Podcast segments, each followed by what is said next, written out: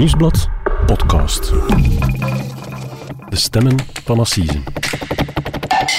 Hallo, mijn naam is Mark Lefman, misdaadreporter bij het Nieuwsblad. En ik ben Cedric Lagast, journalist bij diezelfde krant.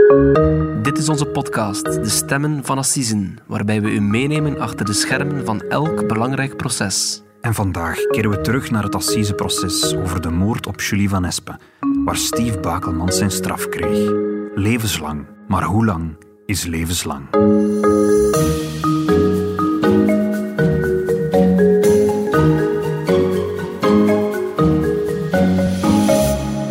Bakelman Stief voornoemd, hier aanwezig, uit hoofde van de lastens hem bewezen verklaarde feiten A en B tot levenslange opsluiting.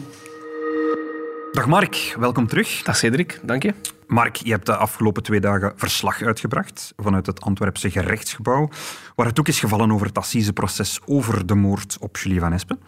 We hoorden hier net het moment waarop voorzitter Alexandra van Kelst de straf van Bakelmans voorlas.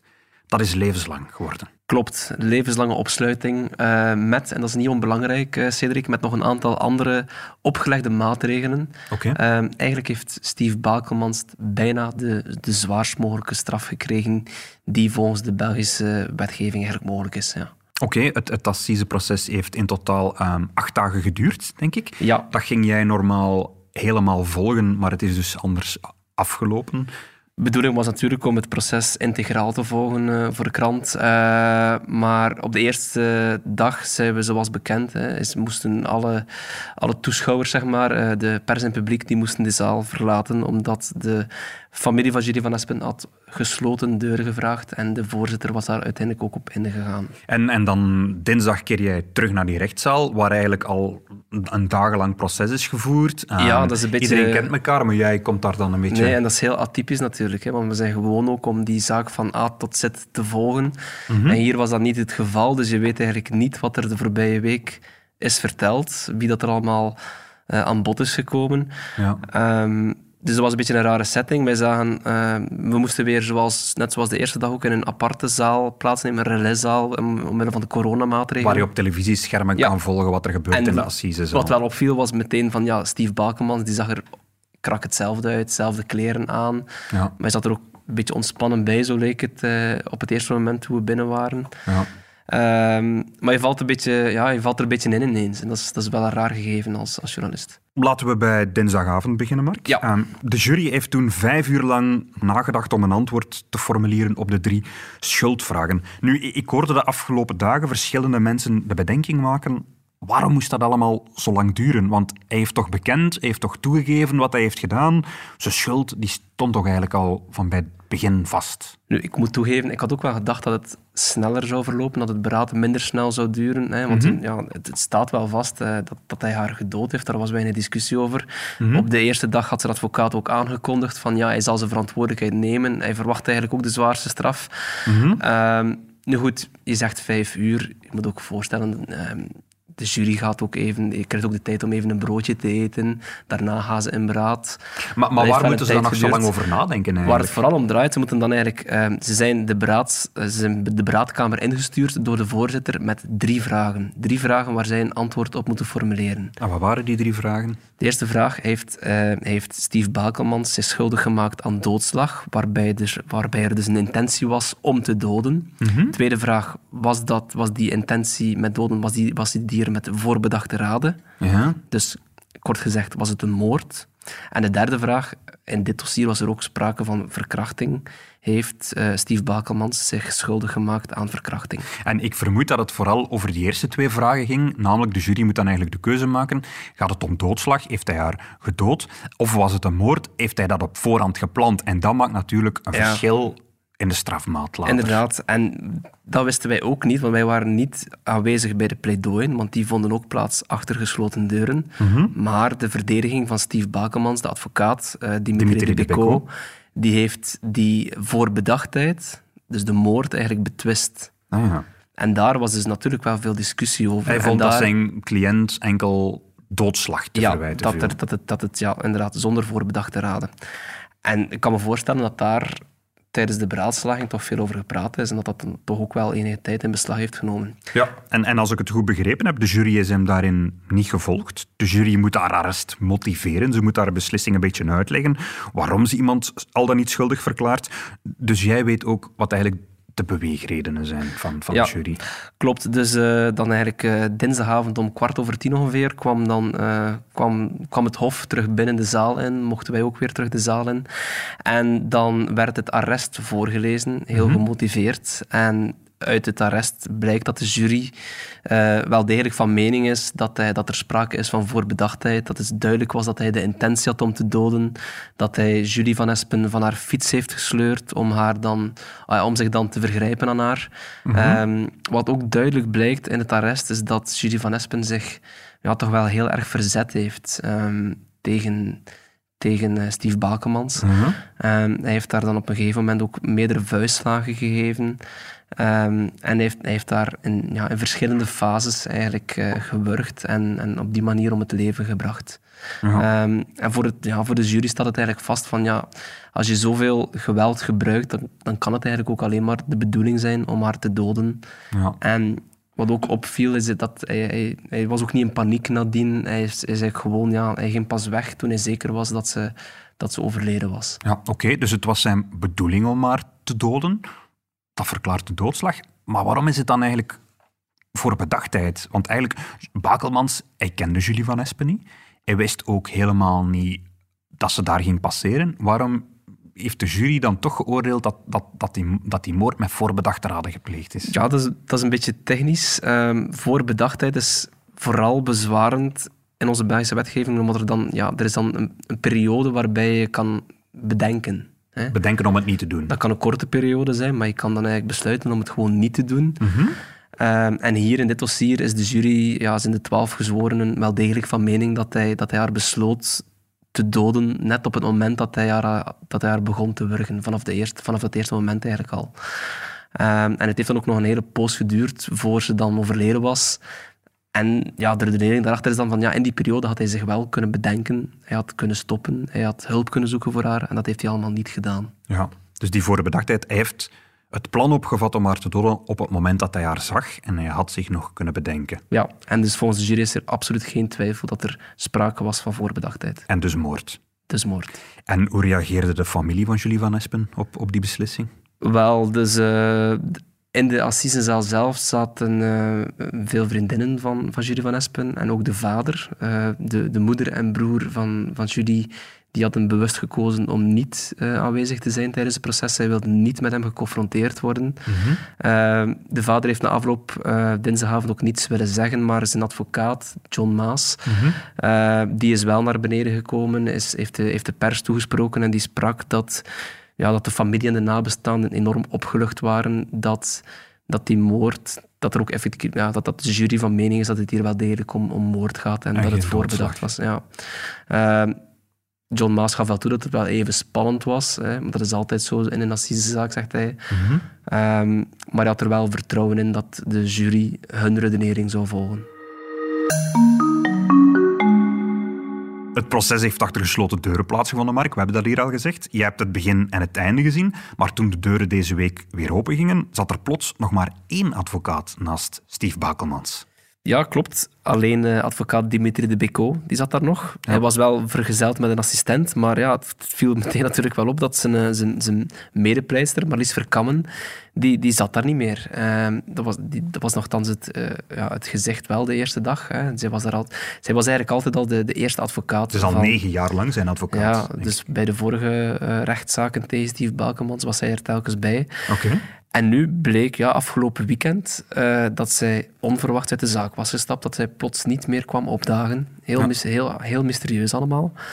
Ehm, er waren dan geruchten dat zij, ja, dat zij niet tevreden was met de gang van zaken op het proces, dat er sprake was van mogelijke partijdigheid, dat, ze, dat, dat er sprake was van dat ze de, de voorzitter wilde wraken. Dat ze niet tevreden was over de gang van zaken van het Ja. proces eigenlijk. Ja, en, maar goed, dat is eigenlijk allemaal een beetje Dat mysterie gebleven. Ja, ik- dat is ondertussen ook al tegengesproken. Ik, Ja. ik, ik heb haar zaterdag gebeld, want ik was zaterdag hier op de redactie. Ik, ik was aan het werken, dus dat nieuws kwam binnen. Ik heb haar gebeld. En ze wou toen eigenlijk alleen maar kwijt dat ze verschillende redenen had om, om uit de zaak te stappen. Maar ze wou dat toen nog niet erg verduidelijken. Um, naar wat ik heb vernomen, is ze eigenlijk de donderdag gewoon plots niet opgedacht in de zaak, zonder dat ze dat op voorhand had, uh, had aangekondigd, zonder dat ze dat op voorhand um, had besproken met andere mensen. Um, ze heeft daar ook toen aan de rechtbank niet veel uitleg over gegeven. Um, het Hof zegt zelf uh, eigenlijk dat ze uit persoonlijke redenen is vertrokken. Ja. Nu, sindsdien is het heel stil. Ze had beloofd dat ze daar bij het openen van de deuren meer uitleg bij ging daar geven. Daar was ze niet toen. Nee, en ik, ik, ik, ze heeft, ik heb ondertussen van haar, uh, via haar bericht gekregen dat ze eigenlijk een spreekverbod heeft. Ze mag er niks over zeggen. Maar ze heeft ook haar schrapping als advocaat op de tableau gevraagd. Dus ze wil niet meer Zeer advocaat frappant. zijn. Nee, inderdaad. Nu, ik hoor in de wandelgangen ook wel van ja, heel dat gedoe zal misschien wel nog een staartje krijgen. We zullen zien.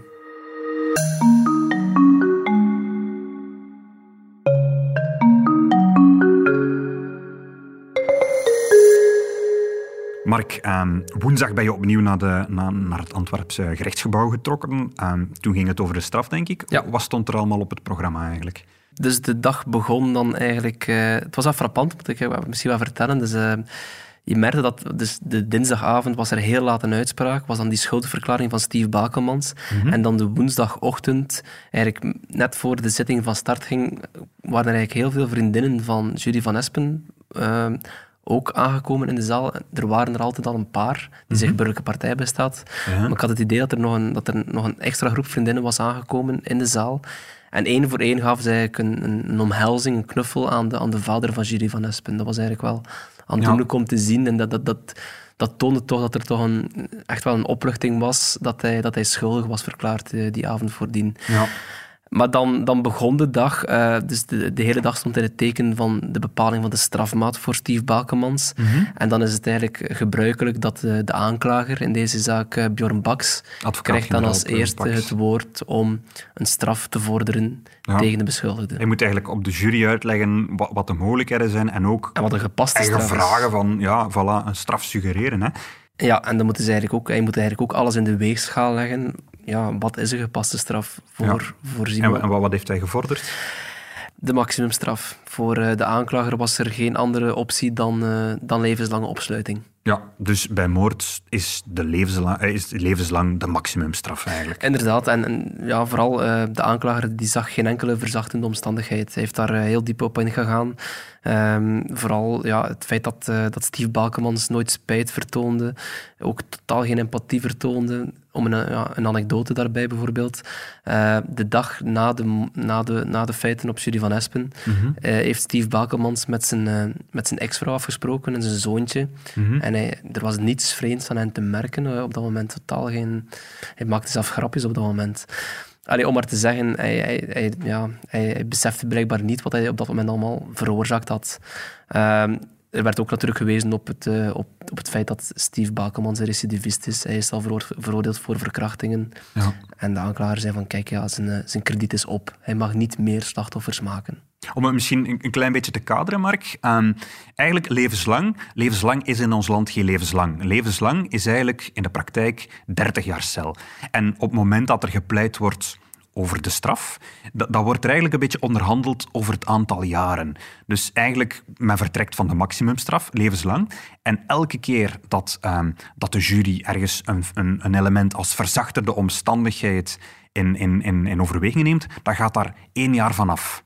En iedere keer dat eh, een verzwarende omstandigheid in aanmerking eh, wordt genomen, gaat er ehm, weer een jaar bij. Dus dat is eigenlijk een telraam waarbij ze van, van, van 30 jaar naar beneden tellen en terug naar boven. En ik vermoed dat de advocaat van Steve ja. heel veel verzachtende omstandigheden zag. Wel, hij had het vooral, hij heeft heel lang stilgestaan. Dus eh, advocaat Dimitri de Beco, die heeft eh, heel lang stilgestaan bij de slechte jeugd van Steve Bakemans. Een echte traumatische jeugd, omschreef hij het. Eh, eigenlijk zei hij van, ja, er is zelfs geen sprake van de jeugd. Gewoon een, ja, een, een langzame verschroeiing van zijn jeugdpersoonlijkheid noemde die het. Een destructieve jeugd, want ja, ik, kreeg als, als kind kreeg hij slagen met de broekriem. Ehm, hij is misbruikt door zijn vader. Ehm, zijn vader die was dan niet eens zijn, zijn biologische vader, maar dat, dat, dat was zijn oom. Ehm, vanaf zijn zes jaar is hij dan in een instelling beland. Zijn moeder heeft hem eigenlijk vanaf dag één verlaten. Heeft hij, heeft, hij, heeft hij maar twee keer gezien. De derde keer was op het assiseproces, eh, om maar te zeggen. En ja, daarnaast uh, wees uh, advocaat Bico ook op de houding van Bakemans. Hij sprak tegen dat hij geen spijt vertoonde, want ja, hij zei van kijk, Steve Bakemans heeft meteen bekend tijdens het onderzoek en heeft ook altijd uh, goed meegewerkt. Zo'n onwaarschijnlijk pijnlijke jeugd kan u toch niet opzij zetten, vroeg de Bico aan het Hof, ja, heb, heb, ik gelezen. Hè? Ja. Is de jury hem daarin gevolgd? Nee. Dus uh, ja, als de jury die verzachtende omstandigheden zag, dan moesten ze dus eigenlijk ook ja, knippen in de, in, in de maximumstraf. Mm -hmm. um, en dat is niet gebeurd. Dus uh, het Hof en de jury die hebben dan woensdagmiddag kwamen ze naar buiten met een, een nieuw arrest over de strafmaat. Mm -hmm. En daarin hebben ze dan duidelijk te kennen gegeven Allee, ze geven eigenlijk wel toe van ja, Steve Balkemans is niet opgegroeid in een, uh, in een warm gezin. Er was, een slechte jeugd Er was gehad. inderdaad sprake van, van, van, van, van misbruik, van, van geweld. Maar het werd toch niet weerhouden als een, een verzachtende omstandigheid. Oké. Okay. Want uh, een van de belangrijkste redenering daarbij is van ja, de, de, de, de zus van Steve Balkemans die kwam ook getuigen op het proces. En die heeft dezelfde traumatische jeugd meegemaakt. Maar zij heeft ondertussen wel een heel normaal leven kunnen opbouwen. En waar heeft de jury dan wel rekening mee gehouden uh, bij het bepalen van Goh? Uiteraard lag de klemtoon op het, uh, op het zware geweld. Hè. Jury van Espen is, ja, ja, het is heel zwaar toegetakeld. Hè. En wat ook, waar, waar, waar in het arrest ook bij stilgestaan werd, Julie van Espen was eigenlijk zodanig toegetakeld dat, dat haar familie geen fysiek afscheid meer van, van haar kon nemen. -hmm. En bij de familie is dat natuurlijk ja, dat is heel zwaar aangekomen. Vooral de mama van Julie van Espen heeft het daar volgens advocaat John Maas ook ja, tot op vandaag enorm moeilijk mee. -hmm. um, en daarnaast heeft de jury ja, en, en, en het Hof hebben ze natuurlijk uh, ook stilgestaan bij, zijn, bij, zijn, bij het feit dat hij een recidivist is, dat hij een zwaar gerechtelijk verleden heeft. En zeker niet onbelangrijk, hè, de, er zijn psychiaters die hem uitvoerig onderzocht hebben en daar is sprake van, uh, ja, van ernstige psychopathische trekken. Ja. Op een test scoorde hij 36 op 40. Dat is niet goed. Uh, dat is eigenlijk zo goed als on onbehandelbaar zijn. Dus uh, ja, hij is een gevaar voor de samenleving, is de redenering. Vandaar, ze zagen geen verzachtende omstandigheden. Ze hebben hem een levenslange celstraf gegeven. Ja. Maar dat is niet het eindpunt. Daarnaast heeft de jury nog een aantal extra maatregelen opgelegd. Ja, klopt. En het was eigenlijk aanklager Bjorn Baks die, die, die daar de jury op voorhand al een beetje voor gewaarschuwd had. Van ja, kijk, er komt een dag dat Steve Bakelmans misschien zijn... Uh, ja, zijn, zijn, zijn vrijlating zal aanvragen. Hè, dat, hij, dat hij niet ja, tot het einde van de dagen in de gevangenis zal zitten. Mhm. Mm -hmm. hè, want ja, levenslang is in ons land zelden levenslang. Ja. Um, en hij waarschuwde van ja, Steve Bakemans kan in principe misschien al over 15 jaar vrijkomen. Maar eigenlijk, die 30 jaar, na de helft van zijn straf, kan hij eigenlijk al vrijkomen. Dus dat, in de praktijk is dat na 15 jaar. En daarom heeft de aanklager al meteen gepleit voor extra maatregelen voor Steve Bakemans. Mhm. Ehm, hij pleitte eigenlijk voor een, een, een, ja, een soort, noem het een beveiligingsperiode. Dat is een periode waarin hij niet, sowieso niet de gevangenis mag verlaten. Dus een, een straf die hij sowieso effectief zal uitzetten. En hij vorderde een beveiligingsperiode van 25 jaar. Ja. Dat is het maximum ook, denk Dat ik. is hè? het maximum. En uiteindelijk, uh, de conclusie van het Hof en de jury was dat het uiteindelijk na, ja, dat het 20 jaar was. Ja, dus hij kan eigenlijk pas na, na 20 De jaar vroegste over 20 jaar zijn vrijlating Ja. vragen. En wanneer is dat dan? Wanneer komt hij in aanmerking? Goh, als we beginnen tellen, dat is een beetje te zien vanaf wanneer je telt. Als je telt vanaf de arrestatie, dan, dan, dan, en het moment dat hij in voorarrest ging, dan is dat, ja, dan zal dat de vroegste mei 2039 zijn, denk ik. Ja, maar, maar dan is het nog niet gedaan. Nee, absoluut niet. Want op, op de, dat, de jury heeft nog een maatregel opgelegd. Ja, dus, uh, dat toont wel aan hoe zwaar de straf is. Hè. Dus, uh, dus naast die levenslange opsluiting, die beveiligingsperiode van 20 jaar, heeft de jury en het Hof, hebben de jury en het Hof hem ook nog eens 15 jaar ter beschikkingstelling van de strafuitvoeringsrechtbank opgelegd. En dat betekent eigenlijk dat hij na zijn vrijlating, als hij ooit vrijkomt, dat hij sowieso nog 15 jaar wordt opgevolgd en dat hij eigenlijk ja, in het vizier van justitie blijft. Een levenslange celstraf waarvan dat hij zeker 20 jaar zal moeten uitzitten. Daarna, als hij vrijkomt, zeker nog 15 jaar dat hij in de gaten zal worden gehouden. Is dit eigenlijk de zwaarst mogelijke straf dat hij kon krijgen? Goh, bijna de zwaarst mogelijke straf. Ehm, dus ja, we zijn het al. De, de jury kon dus de, een beveiligingsperiode. De wetgeving zegt eigenlijk dat dat tot maximum 25 jaar kan. Ja, en ze hebben tot 20 jaar gegaan, dus er is nog een klein, klein beetje marge. Voilà, er- het was dus 20 jaar. Maar het is wel, denk ik, ja, toch wel de, de, de zwaarste straf die ooit is uitgesproken in ons land. Ehm, ik denk niet dat er eigenlijk al iemand zwaarder is gestraft. Eh, in mei dit jaar zijn er wel nog, was er nog een andere ophefmakende zaak, eh, waarbij twee veroordeelden, eh, Marco Laudet en Ashley van de Velde, dat zijn de, de, ja, de moordenaars van de gevangenisverpleegster eh Christine Leenaerts. Leenaerts. En die is ook in Antwerpen, eh, kwam die zaak voor. Ja. En die hebben eigenlijk exact dezelfde straf gekregen als, eh, als Steve Bakelmans. Ja, Bonnie en Clyde van de Kempen, Ja. we hebben het hier ook in de, de podcast over gehad. Hè. Ja, inderdaad. Dus dat zijn eigenlijk de, de zwaarste straffen ooit in ons land. Ja, die drie mensen. Nu, hij is dus zwaarder gestraft dan Marc Dutroux eigenlijk. Toch een beetje het type voorbeeld nog altijd van de oppercrimineel. ehm, Ja, ja, maar dat komt dan ja, vooral omdat ja, die beveiligingsperiode waar we dus over spraken, dat Ja. die wetgeving is zeer recent. Dat bestaat pas sinds 2017. Ja. En dat kan alleen bij heel zware misdrijven. Eh, dus Ja. ja. En de ter beschikkingstelling, ik, Marc Dutroux heeft levenslang gekregen met een ter beschikkingstelling van, van 10 jaar. Maar dat was toen nog anders. Dat was een ter beschikkingstelling eigenlijk voor, voor de regering. Eigenlijk. Dat, dat was, Ja. Als hij ooit vrij zou komen, dan was het aan de regering om te beslissen van mag je nu vrijkomen of niet. Dat is nu anders. De wet is nu Ja, nu, anders. nu, is dat, nu is dat door specifiek door strafuitvoeringsrechtbanken. Dat zijn Mhm. eigenlijk rechters die daar dan gaan over oordelen. En dat is ook iets vrij recent. En, en, maar dat wordt, ja, je ziet nu wel in de praktijk dat dat veelvuldig bij assisezaken eh, van toepassing wordt in de strafmaat. Ja. Ehm, we hebben bijvoorbeeld in, ik denk in 2019, bij de, bij de zogenoemde Pokémon-moord hebben we het gezien. Ook alweer in Antwerpen.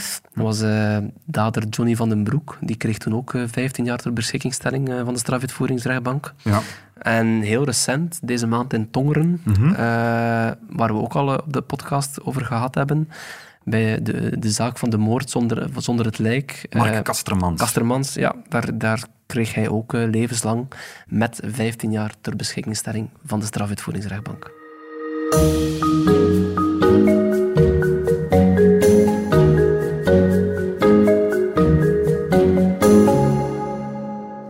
Meneer Bakelmans, u bent veroordeeld tot een zeer zware straf. En ook al lijkt dat misschien vandaag niet zo, de deur is niet volledig voor u dichtgetrokken. Alles zal van u afhangen en ik kan u alleen maar de raad geven uw straf te aanvaarden. Worden hier opnieuw voorzitter Alexandra van Kelstmark. ehm, met haar laatste boodschap, haar laatste woorden eigenlijk voor Bakelmans, voordat hij naar de gevangenis terug vertrok en eigenlijk daar zijn straf mocht beginnen uitzitten. Ehm, hoe reageerde zijn advocaat achteraf? Wel, eh, advocaat eh, Dimitri de Beko is dan ook eh, naar de pers gekomen om een, om, om een korte verklaring te geven eigenlijk. En hij zegt van ja, kijk, hij zei van ja, ik heb de jury proberen overtuigen om niet levenslang uit te spreken. Dat is toch gebeurd. Hij zegt van ja, het stond ergens, ergens stond het wel in de sterren geschreven dat de, ja, de zaak Jury van Espen zou eindigen in levenslang. Maar hij, hij vindt wel dat het verhaal van zijn cliënt, hè, van die afschuwelijke jeugd eh, die hij beschreven heeft, dat dat toch ja, een plaats heeft gekregen op het proces. Het is vermeld, maar Het is ook vermeld in het geen- arrest. En dat, dat zegt hij van ja, dat is een, geno- een genoegdoening. Dat dat wel is meegenomen. Ook al is het dan in de strafmaat ja, niet bepaald meegenomen. Nee. Eh, maar toch vindt hij wel, ja, het is, hij is wel tevreden dat die, die, dat die beveiligingsperiode van 25 jaar uiteindelijk 20 jaar is geworden. Hè. Het Ja. scheelt vijf jaar, dus de deur staat op een, ja, op een klein kiertje nog voor, eh, voor Steve Bakelmans. Ehm, en hij vindt dat, wel, hij vindt dat blijkbaar wel bemoedigend. Ehm, Steve Bakelmans had eigenlijk ook niet anders verwacht, anders verwacht, zegt hij. De uitspraak was conform zijn verwachtingen. Dus hij was niet helemaal teleurgesteld. Nee, hij, was, eh, hij heeft hem dan gesproken na afloop en hij was eigenlijk rustig. En hij, ik denk dat hij er ja, op een of andere manier wel vrede kon, mee kon nemen. Ja. Oké, en John Maas dan, de advocaat van de familie van, eh, van Julie Van Espen, die heeft ook nog gesproken en daar kunnen we naar luisteren. Ik denk dat een strenge straf op zijn plaats was in dit dossier. Het verwondert mij niet. En in alle eerlijkheid, mijn cliënten hadden daar ook op gehoopt. Ehm, het arrest is, is eh, scherp, hard, maar terecht. Ehm, het Hof zegt dat onze maatschappij moet beschermd worden tegen deze man. En ik ben het daar volmondig mee eens, ja. Hoe reageert de familie? Wel, zoals gisteren een tweede maal opgelucht. Um, zij hadden echt wel gehoopt dat de zwaarste straf zou uitgesproken worden voor deze feiten. Zeker gelet op al hetgeen de man voordien al op zijn levenswandel had aangericht. Um, was dit voor hen de enige gepaste straf. Maar ik heb me daar nooit op voorhand over uitgesproken, omdat het ook mijn plaats niet is als burgerlijke partij. Maar ik verheel het niet dat dit voor hen een geruststelling is dat de zwaarste straf werd uitgesproken. En daarmee komt ook een einde aan het, aan het assiseproces van Steve Bakelmans, maar ook een einde aan het dossier van Julie Van Espen. Eigenlijk een dossier dat eigenlijk heel lang heel veel mensen beroerd heeft. Ja, dus als, als, als, als buitenstaander was het een beetje een vreemd proces, omdat het dan ja, die gesloten deuren er waren en we weinig meekregen, of eigenlijk niets meekregen over de zaak. Mhm. Eh, maar ja, goed, de, de, de straf is uitgesproken, de, de, de beschuldigde is veroordeeld. En, en hetgeen wat telt, denk ik, is dat de nabestaanden, dat de familie en de vriendinnen uh, van, van Julie van Espen, dat zij opgelucht naar huis gaan. En dat is, dat is volgens hun advocaat zeker gebeurd. Ja. Oké, Mark, ik wil jou nog bedanken omdat je tussen het schrijven van al jouw artikels door ook telkens hier naar de studio bent gekomen om het ons uit te leggen wat er zich daar precies heeft afgespeeld. Met veel plezier. En um, met deze aflevering komen we ook um, aan een voorlopig einde van de Stemmen van de Season. We nemen een korte pauze, een korte kerstvakantie eigenlijk, maar we zijn terug na nieuwjaar, begin januari, met nieuwe afleveringen van De Stemmen van Assisen. Dit was De Stemmen van Assisen, een podcast van het Nieuwsblad. De stemmen waren deze week van Mark Cliffman en van mezelf, Cedric Lagast. De montage gebeurde door Pieter Schrevens van House of Media en de productie was in goede handen bij Bert Heijvaart.